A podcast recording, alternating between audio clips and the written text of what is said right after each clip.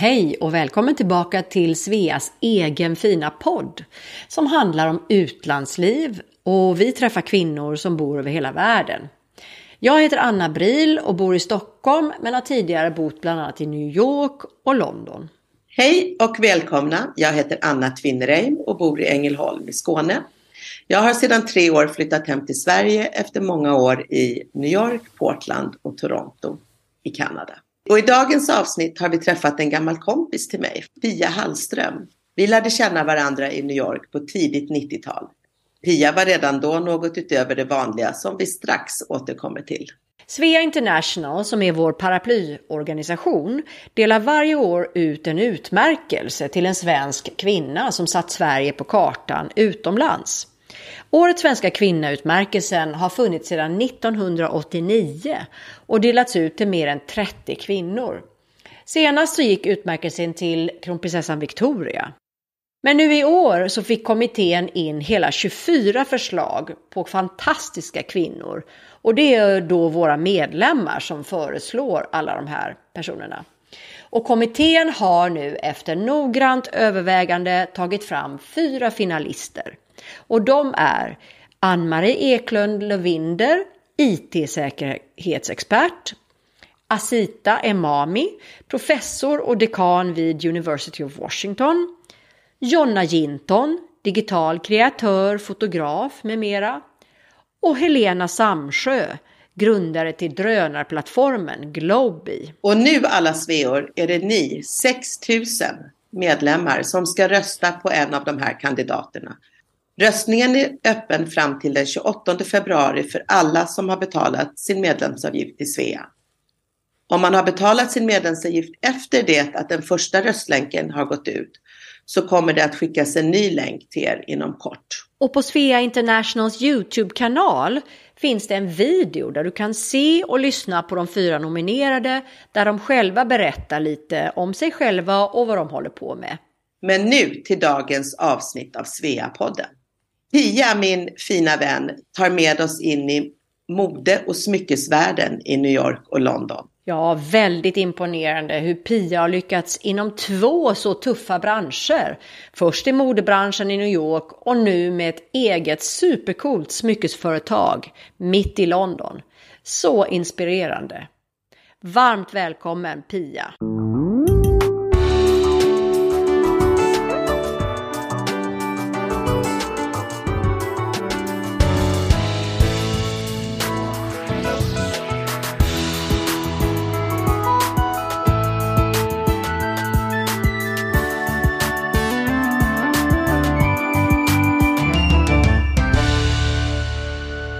Hej, jag heter Pia Hallström och jag är smyckedesigner och bor i London. Hej Pia! Vad roligt att se dig. Det var ett tag sedan sist. Verkligen. Gud, jag, jag tänkte efter här och kom på att det måste ha varit 94 i New York City. Ja. Eh, när du eh, designade några klänningar till, eller en klänning till mig och eh, några andra tjejer som skulle vara brudtärnor till en gemensam vän till oss. Som skulle gifta sig i Hoboken, New Jersey. Men det har hänt mycket sedan dess som vi ser fram emot att höra om här idag. Ja, hallå Pia säger jag också och så himla kul att få träffa dig. Vi är så nyfikna på att få höra just din historia här. Hur du har byggt upp ett exklusivt internationellt känt varumärke med fantastiska juveler som jag var ju i London förra veckan, lyckades ju ta mig in där och se dem i den här trevliga butiken Joseph. Alltså så snygga, coola eh, grejer. Och de här eh, juvelerna bärs ju av folk som Madonna, Angelina Jolie. Berätta hur det går till att få sådana här kändisar att eh, bära dina smycken. Alltså med dem så, jag har ju haft lite tur för att jag skickar ju inte ut gratis smycken. Jag är liksom inte riktigt där ännu. Så, att, så jag hade tur. Nej, men de gick till Joseph, deras stylister och köpte smyckena helt enkelt. Och jag fick inte reda på det förrän ganska långt efter. Jag tror att stylisten måste ha varit i kontakt med någon eller liksom att bilderna kommer upp och så ser någon, råkar någon som jobbat där, se. liksom, gud, där var ju Pias arm, armband. Men sen har jag ju, det är många som kommer in reguljärt, till exempel eh, eh drottning Rania av Jordan. Hon kom ju in typ en gång ja, var sjätte månad brukar hon komma in. En gång i halvåret och köpa ganska mycket. Och också Lady Bamford, hon som har alla Dalesford butikerna. Hon är en riktig sån style guru. Jag älskar allt hon gör. Så det är en sån jätteära att hon kommer in och köper väldigt mycket också där och presenter till folk och sådär. Det är inte så att du, du lånar inte ut smycken till typ så här Oscarsutdelningar och sånt där? Jo, det gör jag. Fast i och med att de är liksom ganska små och inte så jättestora så har jag tycker att de försvinner. Så jag har faktiskt inte gjort det på ganska länge om jag ska vara helt ärlig. Det är ingenting som jag känner är liksom så här avgörande för min business. Berätta lite om ditt varumärke nu som då heter Pia Hallström Fine Jewelry. Hur startade det och hur har du lärt dig allt det här med att göra smycken och juveler och stenar och allt det här? Hur har det gått till? Så jag började, alltså det här, jag, företaget fyller ju tio, jag tror det är nästa år i september. Så att jag började ju, det var ju liksom Alltså jag kommer ju från mode som bakgrund. Så jag började med smyckena efter jag hade lämnat modeindustrin och jag hade fått barn och det var, jag blev liksom lite mamma bear mode och ville ta ledigt. Jag tog ledigt lite tag och märkte att det var liksom absolut ingenting för mig. Jag måste jobba, jag måste få kreera.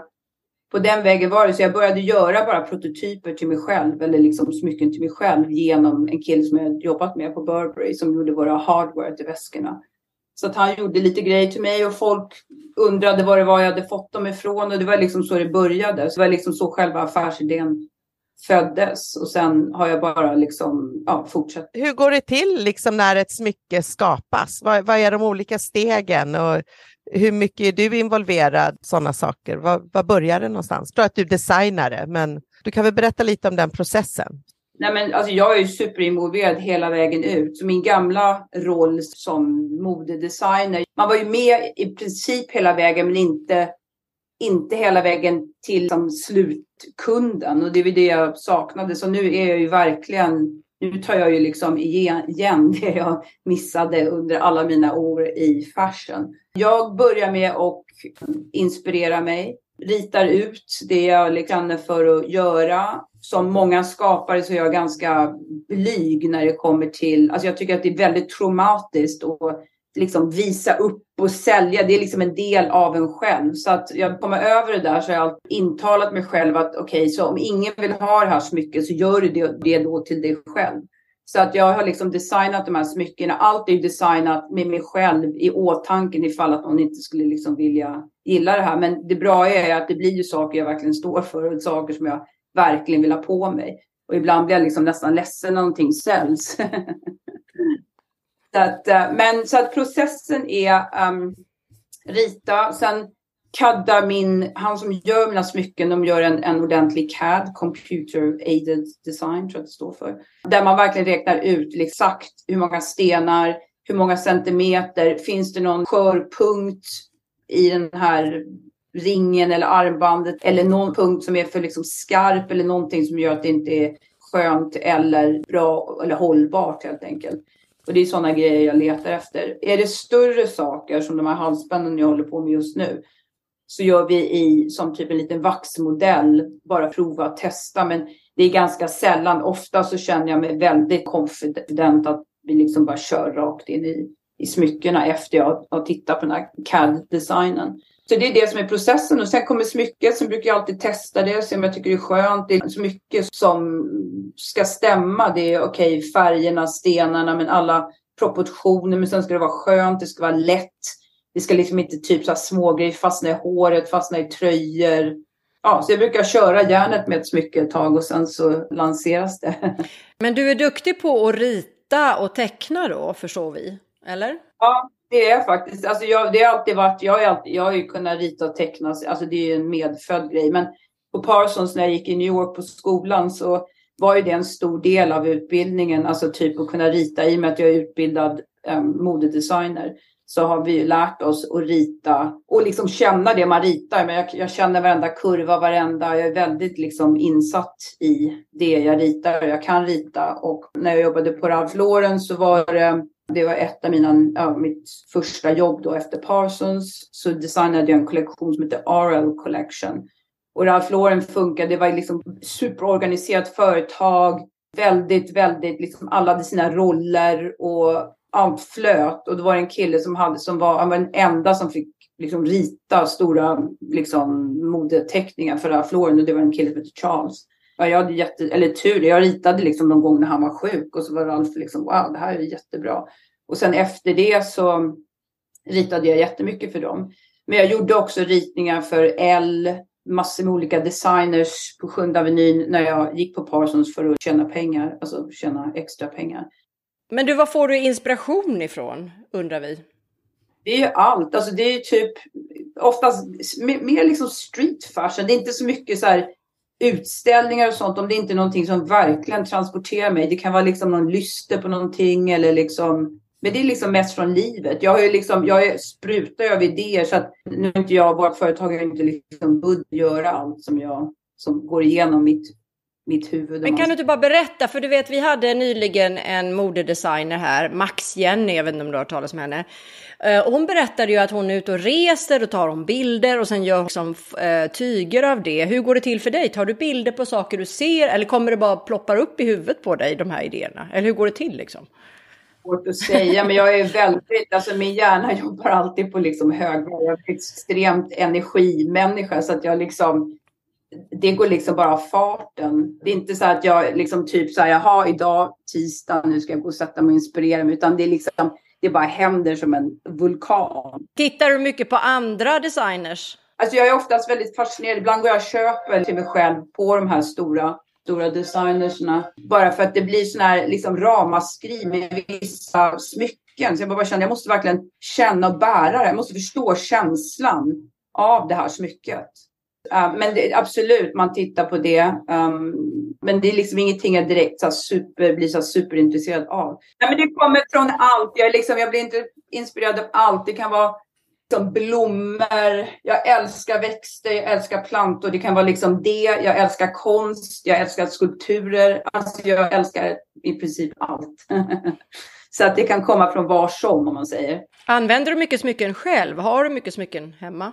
Ja, jag har väldigt mycket smycken. Jag har oftast alldeles för mycket smycken på mig. Men nu har jag liksom precis ja, bara... Vad är dina favoriter själv? Mina egna favoriter är, alltså det beror liksom lite på.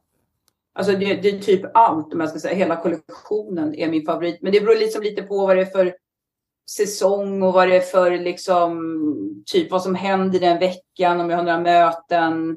Ja, liksom så. Men oftast så jag är liksom, jag hinner inte omaccessoera mig. Så oftast, typ om jag har massage, tar av allting, så brukar jag vänta till nästa morgon. Och så sätter jag på mig liksom en helt ny kombination av grejer. Och sen sitter det tills jag måste ta av det nästa gång. Typ. Du använder ju ädelstenar och så såklart, så hur, hur går den processen till och hur mycket av det kan du själv? Alltså det är väl en hel vetenskap vad jag förstår. Liksom. Det är det jag håller på att plugga faktiskt nu. I och med att jag kom från modevärlden in i smyckevärlden så väldigt sällan, eller inte sällan, men det är inte så stor del av min business när vi gör sådana jättestora stenar. Utan det är mer mindre stenar och han som gör mina smycken, han har den expertisen. Han köper in stenarna åt mig och det har liksom funkat i alla år. Men jag är väldigt intresserad av stenar. Så under Eh, lockdown, covid, så tog jag en gemology degree, jag vet inte vad det heter på svenska, för att, ja, för att få behörighet att gradera stenarna för att kunna se färgen, kunna se liksom, ja, för att kunna avgöra om det är en bra sten eller inte. Och det var jättefantastiskt. Och sen så nu håller jag på med en påbyggnadskurs, vilket är egentligen den typ högsta kursen man kan ta för gemologi, eh, för att kunna hela, hela processen. Klara den här tentan så får jag bli medlem i, eller jag får ansöka och bli medlem i eh, brittiska geomologiförbundet, vilket är en ganska stor ära och man kan också använda deras, jag kan använda deras vapen, jag får liksom en liten titel och jag tror att det gör, det visar ju också mina kunder att man liksom är totalt seriös. Absolut. Men det är också väldigt intressant för det är väldigt, väldigt mycket om så nya industristandards. Är man i den där klubben så får man ju hela tiden ny information om att det liksom är etiskt sourcat, att det inte är för att liksom sålda för att eh, betala för någon konflikt någonstans, sådana grejer. Så att det är väldigt viktigt att man vet vilka certifikat man ska få så att man har hela processen så att jag vet att jag säljer saker som är, är etisk. Kan du inte påminna oss lite om det där nu? Hur var det nu med de där sena och numren och siffrorna för diamanter? Hur var det man graderar diamanter? Kan du inte berätta det för oss? Ja, men alltså, en diamant är ju karat som är vikten på diamanter och det kom från förr i världen carob seed. De hade som ja, säd för carob, morotssäd som man vägde gentemot. Karat är ett. Hur den är skuren är nummer två, som är också viktigt för värdet. Måste bara tänka allt det här i... Uh... Och så är det de där bokstäverna. A, B, C, D. Ja, men det är ju alltså färgen. Just det. Sen har du typ VS1, VS2. Det är alltså om det, om det är inkluderat. Så det viktiga i en diamant är ju liksom nummer ett om man köper den är att man tycker den ser liksom fin ut. Nummer två är att den har den skurningen om man vill att den ska vara rund eller päronformad eller en markis som är liksom som en, har två små hörn. Typ en oval med två små hörn. Man får ju välja det och sen så efter det är ju färgen och sen om den är inkluderad eller inte. Inkluderad är det där med att, det, att den ska vara ren utan små prickar i sig och sånt, eller hur? Jo, fast det är allt det där är ju, alltså ibland, det beror ju på var de där inkluderingarna sitter tycker jag personligen. Alltså jag tycker inte att det är viktigt att det är helt, helt utan. För att det är ju en, det är ju liksom en levande sten, en bit karbon som har kommit om 200 miljoner år sedan från marken och kommit upp med liksom lava. Och det, alltså den, om du tittar in i en sten så ska det vara vackert. Men det är också, du har ju hela historien där. Ja, det är ju kol, eller hur? Ja, så det är väldigt viktigt också att den är skuren rätt. För den skuren för djup eller för bred sabbar ljuset också.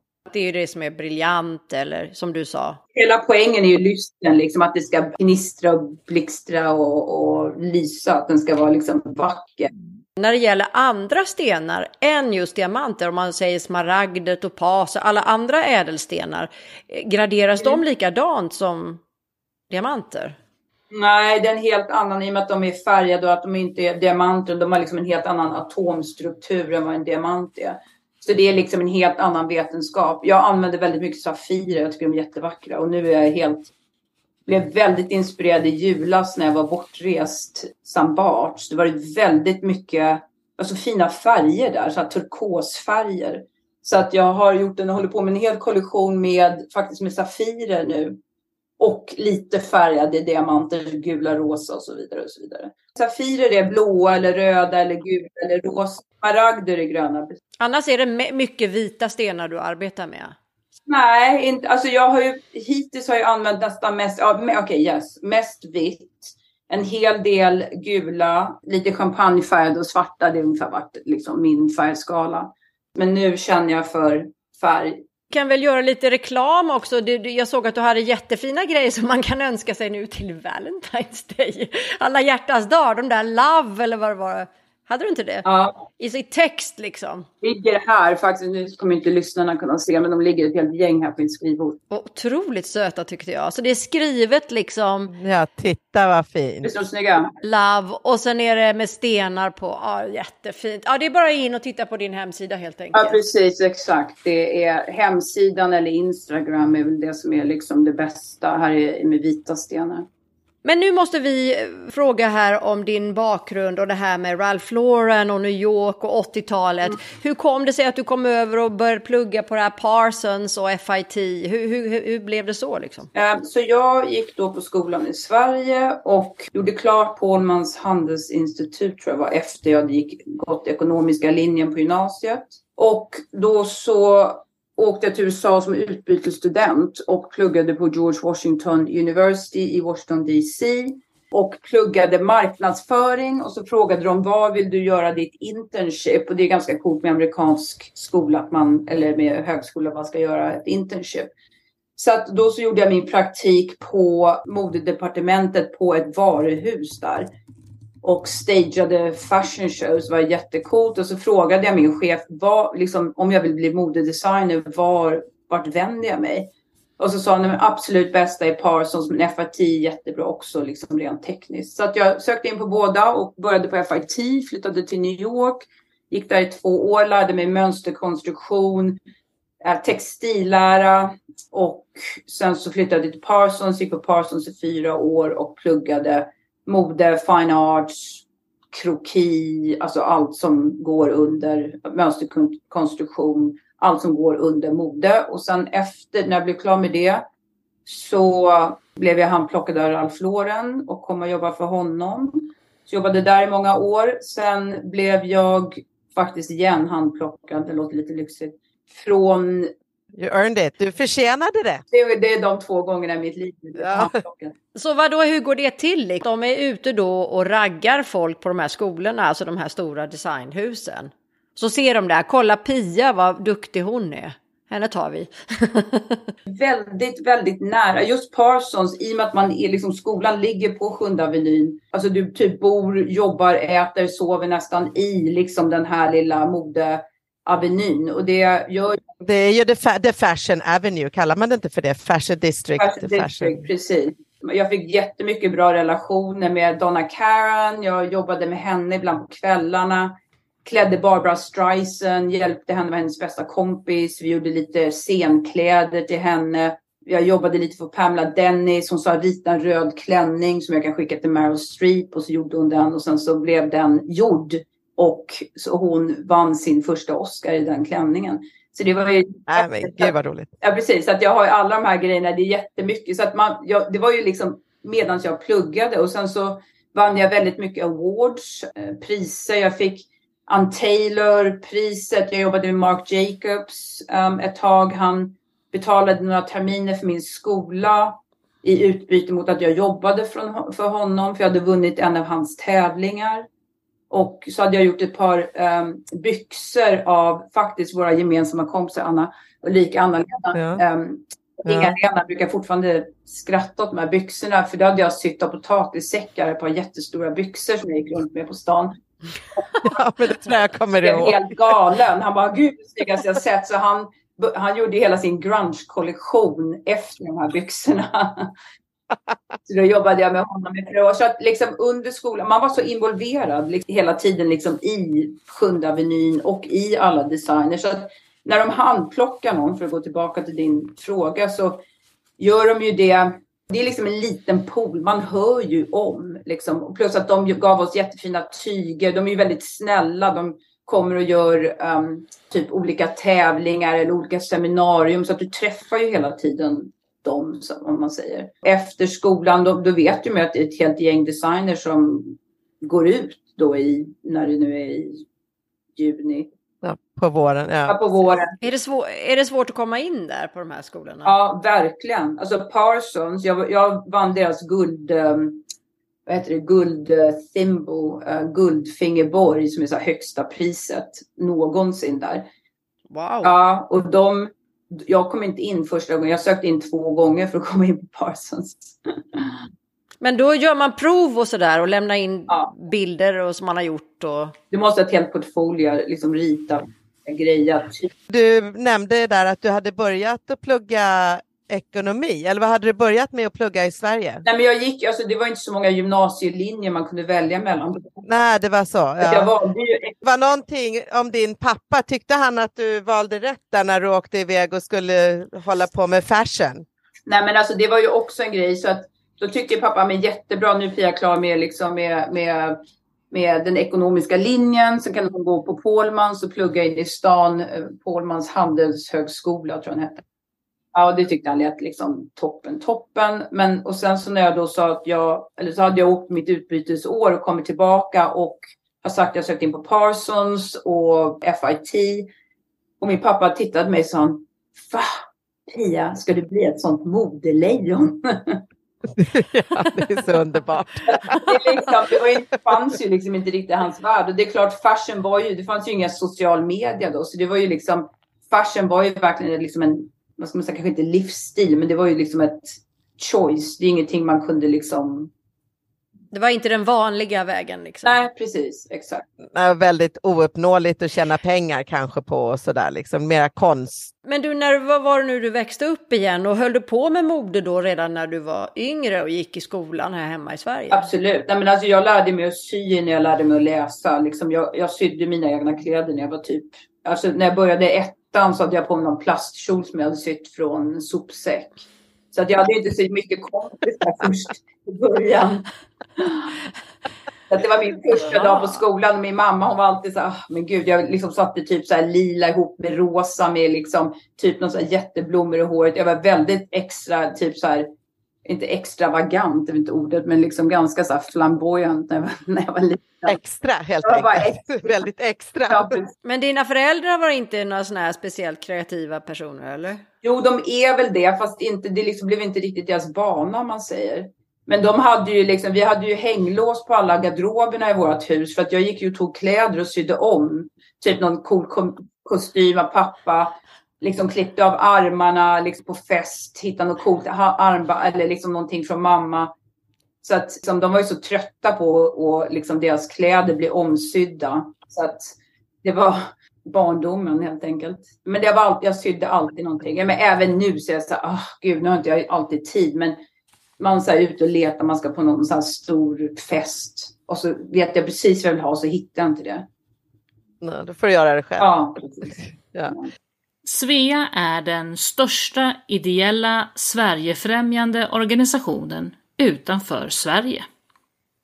Våra värdeord är världsvid vänskap, global kompetens och lokalt stöd.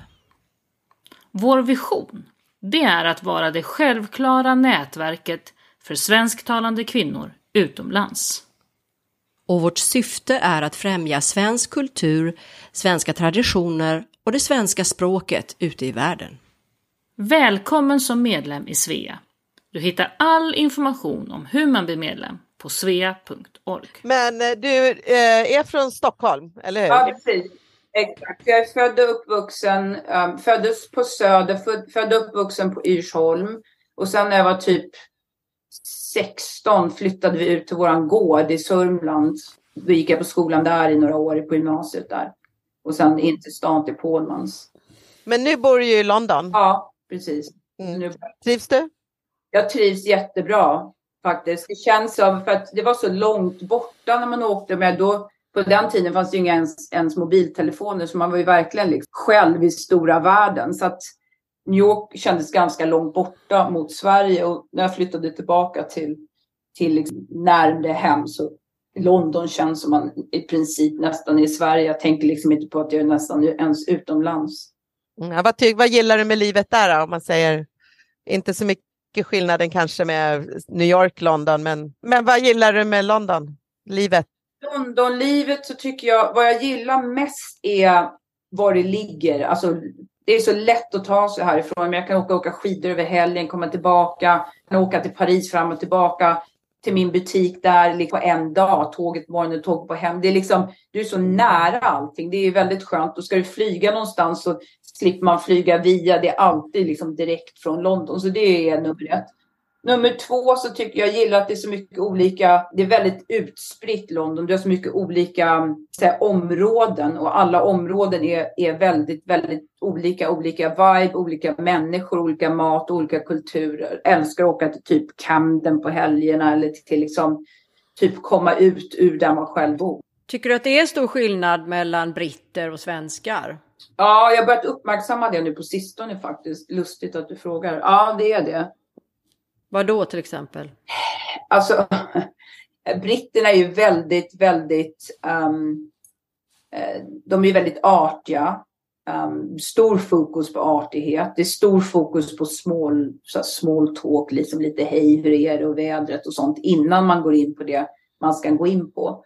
Så det är ju stor skillnad. Och sen vad jag gillar är, jag gillar, jag har ju två pojkar här, en som är 17 och en som är 18. Så att jag gillar att de har liksom växt upp här i och med att det är så traditionellt, ingenting som ändras. När de kommer hem från skolan, när de, eller kom hem från skolan när de var små så kunde liksom de sångerna de hade sjungit och de typ sagoböckerna de hade läst är liksom exakt det som min man som är engelsk och hans pappa och hans syskon har läst. Det blir liksom en gemenskap tycker jag i, um, i alla åldersskillnaderna, i generationerna. Precis självsäkerhet eller en styrka i det och man känner sig liksom att, en tillhörighet. Precis, och jag tycker det är väldigt viktigt, liksom, speciellt för barn. Mm. Så att, och sen tycker jag om att det är väldigt, väldigt strikt i engelska skolan. Min, han som gör mina smyckens dotter hade tuggat tuggummi, då fick hon kvarsittning och ligga typ eller sitta på skolgården och skrapa tuggummi i 45 minuter.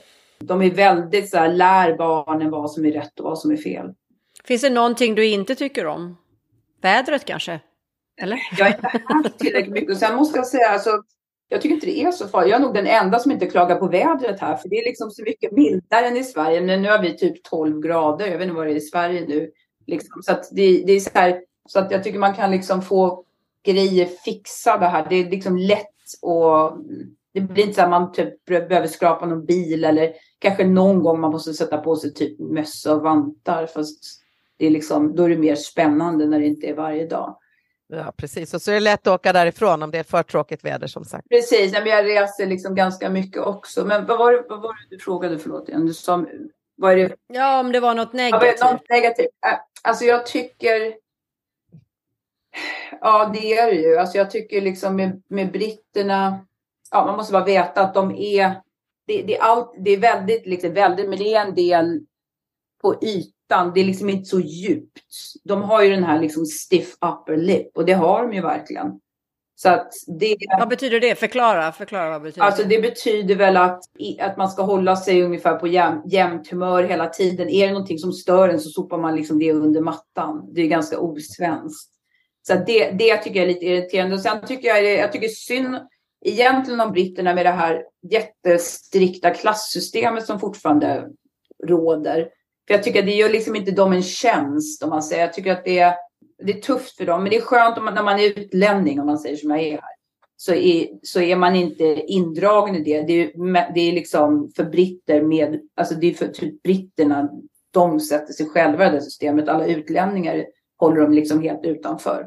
Ja, det tyckte faktiskt jag också när jag bodde i London. Att det, man, det var så tydligt det här att folk befann sig på en viss klass, liksom. Mer än något annat land någonsin har varit i. Alltså. Precis. Dina, po dina pojkar, pratar de svenska? Ja, det gör de. Jättebra. Bra jobbat. Det var deras, eh, när de, de gick på internatskola, det blev deras liksom lite hemliga språk när de skulle ringa hem. Så att ingen kunde höra vad de sa när de ringde och klagade på skolan eller sa mamma kan du komma och hämta mig? ja. Men de har gått i engelsk skola då naturligtvis? De har gått i engelsk skola och så har de gått svensk segelskola, svenska ridläger. Somrarna när de var små, nu är inte somrarna i Sverige längre, men det vart i typ enbart från typ ett år till 14 år så har de liksom varenda sommar, hela sommaren varit i Sverige. Men sen berättade du ju för oss att, att uh, nu, nu är de trötta på Sverige. Nu vill de bara vara i Saint-Tropez. Ja, nu är det bara Saint-Tropez. det var lite roligt. Liksom, typ, vad ska jag sitta där och göra liksom ungefär? Nej, för du hade hus i Skåne, visst var det så? Du hade... ja, faktiskt min yngsta son frågade om inte vi kunde åka dit, ja, både nu i sommar och så, åh man kan inte åka dit, liksom bara en liten stund. Så att jag tror att de, det är väl liksom bara en fas att de sen verkligen liksom längtar dit man säger. Det kommer vara deras sommar. Det är ju så, där man spenderar sina somrar som barn, det blir ju liksom en... Eh, då tycker man att sommaren ska vara. Liksom. Precis. Nej, men det blir standard. Liksom. Exakt. Nej, men jag håller med, för jag spenderade sommaren när jag var liten i Skåne. Så att då blev det ju liksom naturligt att mina barn gjorde det också, man säger. De kommer säkert komma tillbaka till den där Sverige känslan tror jag, längre fram när de är lite äldre. Ja. Men din man är från England? Han är från eller England. London? Han, är från London, precis. Det är ganska ovanligt. Han är född, född och uppvuxen i London. Gillar han svenska då? Han gillar Sverige. Han försökte lära sig svenska, men det gick inte så bra. Så att han, och sen när han var precis i början på sin kurs så kom han till Sverige. Då försökte liksom så här, fråga efter typ kan jag få kaffe på svenska, sådana grejer. Men då hörde ju de direkt att han var engelska, så blir ju svenskar så glada att få prata engelska. Så han kom ju liksom ingen vart. Ingen skulle prata med mig liksom. Så, svenska. så att han gav upp ganska, ganska snabbt. Umgås du mycket med svenskar i London?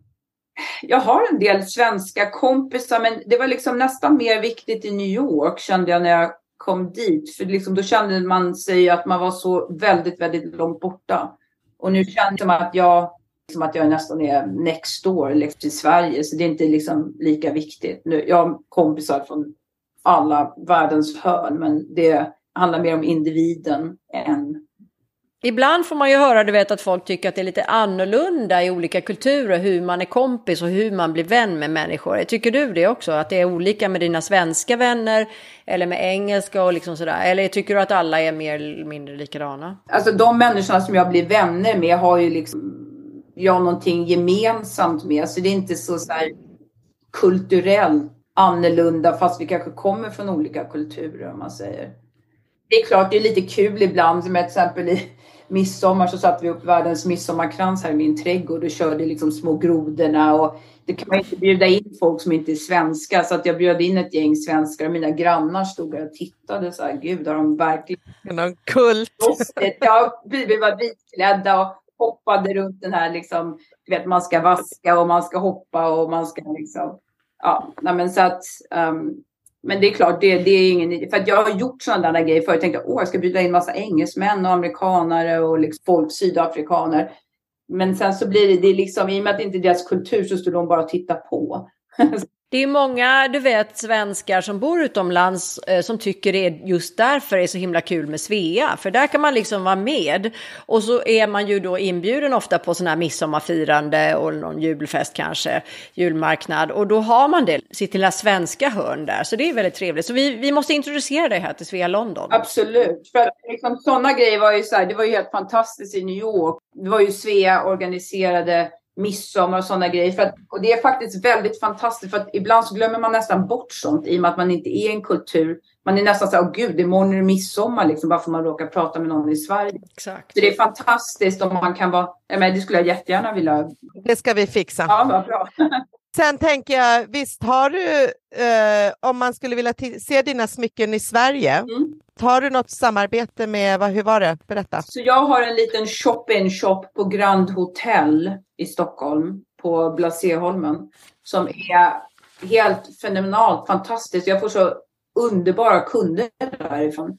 Alltså riktigt underbara. Nu hade jag en finska som bor i, alltså de typ kontaktar mig för att tacka och det är det jag älskar med smyckeindustrin. Det är så, folk är så lyckliga som köper smycken. Jag tror att man måste vara lycklig innan man går ut och köper smycken. Det är ungefär som i konst. Det är liksom en man måste vara på en ganska bra plats för att bli sugen på att gå ut. Ja, men det är ju liksom en lite större investering än att bara köpa en kavaj, eller hur? Precis, exakt. Men jag vet inte riktigt, jag, det är stor skillnad. För mode var ju mycket mer folk liksom, oh, jag så, känner mig så fet i det här, jag känner mig så konstig det här, så kort är det där. Det var liksom hela tiden fel på allting och nu är det inte det. Men Grand Hotel, det är fantastiskt faktiskt. Jättefina kunder från alla världens hörn som på något vis har någon connection till Sverige. Du måste berätta för oss när du har något event där på Grand Hotel så kommer vi allihopa. Ja, absolut. Jag tror nog, alltså jag åker faktiskt nästa vecka. Jag tror nog att kanske 30, 30 eller 14 februari. Mm, vad spännande. Ja, men berätta om det så, så kan vi bjuda in fler. Nej, jag, jag tänkte så här. Eh, vi börjar väl komma mot slutet här nu och vi hade lite frågor som vi ville att du skulle svara på. Har du något gott råd till andra kvinnor? Kanske yngre människor eller äldre som vill in i modebranschen eller som vill starta ett smyckesvarumärke eller någonting. Vad, vad har du några goda råd till kvinnor rent generellt?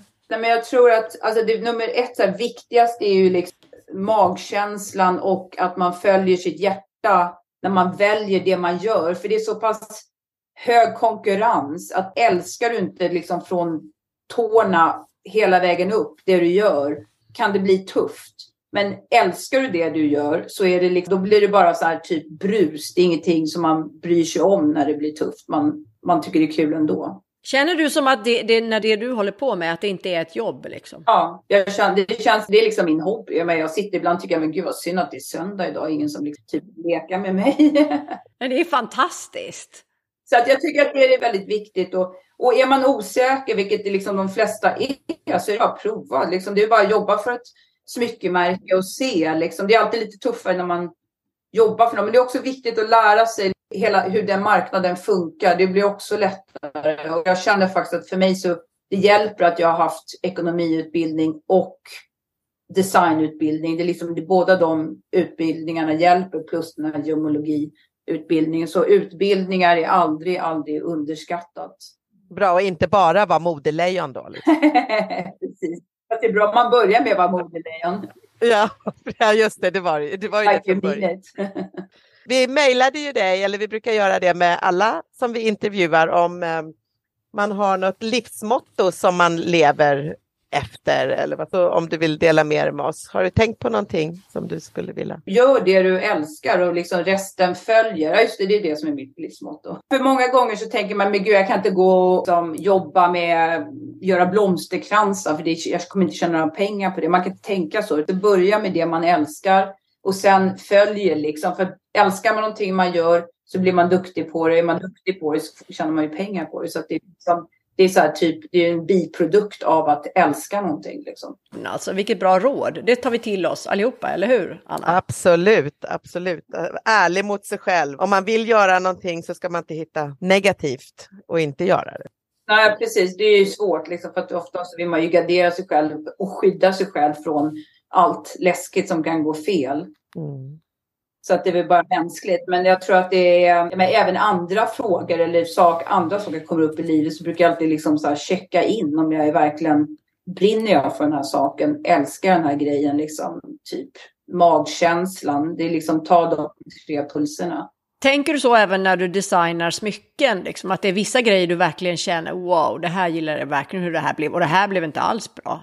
Men blir det inte bra så det är inget så här, jag kan inte, jag kan liksom inte fortsätta. Hela min kropp, liksom varenda cell är bara, äh, liksom, det går inte. Alltså det är ungefär som att ta typ jätteäcklig hostmedicin. Det, det går liksom inte. Så då, då lägger jag ner det projektet.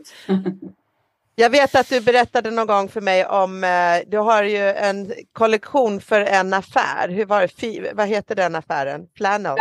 Ja. Den, de här pyramiderna, som vi, är det bara för den affären? Är det någonting som de ville ha speciellt? Eller, eller kom det, det, det är ju du som har kommit och designat det förstår jag ju såklart. Men det kan man bara köpa där. De är ju jättefina. Jag tittade.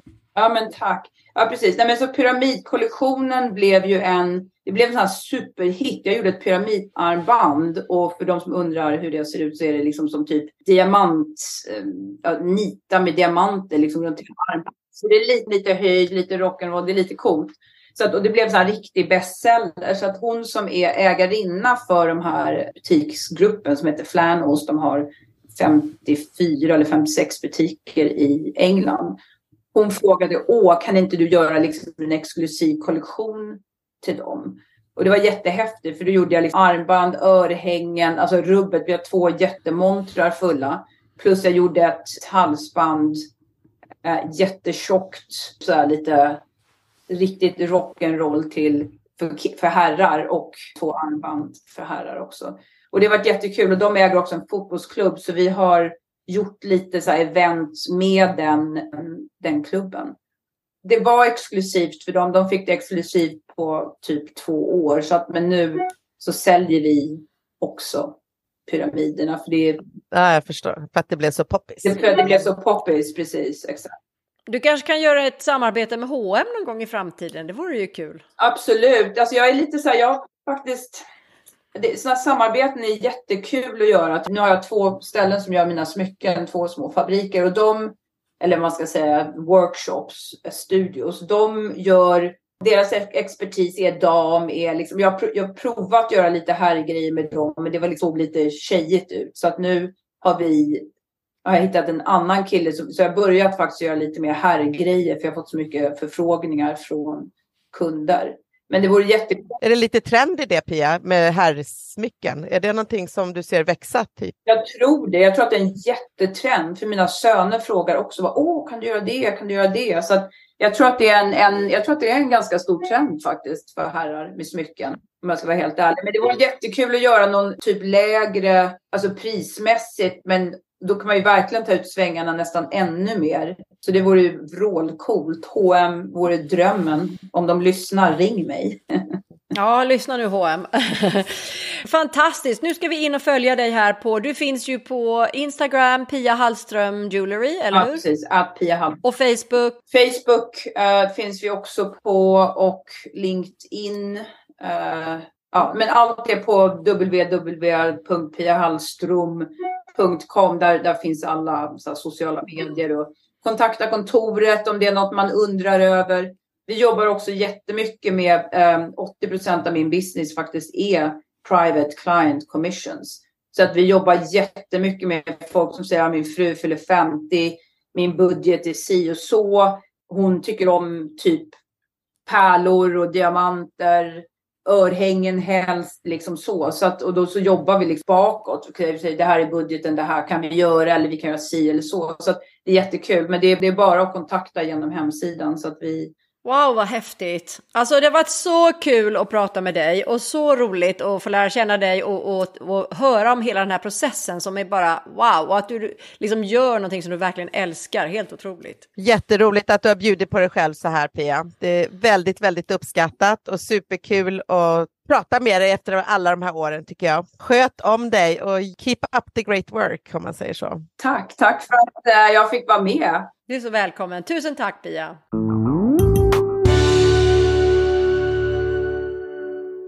Tack för att du har lyssnat. Den här podden är inspelad och producerad för Svea International.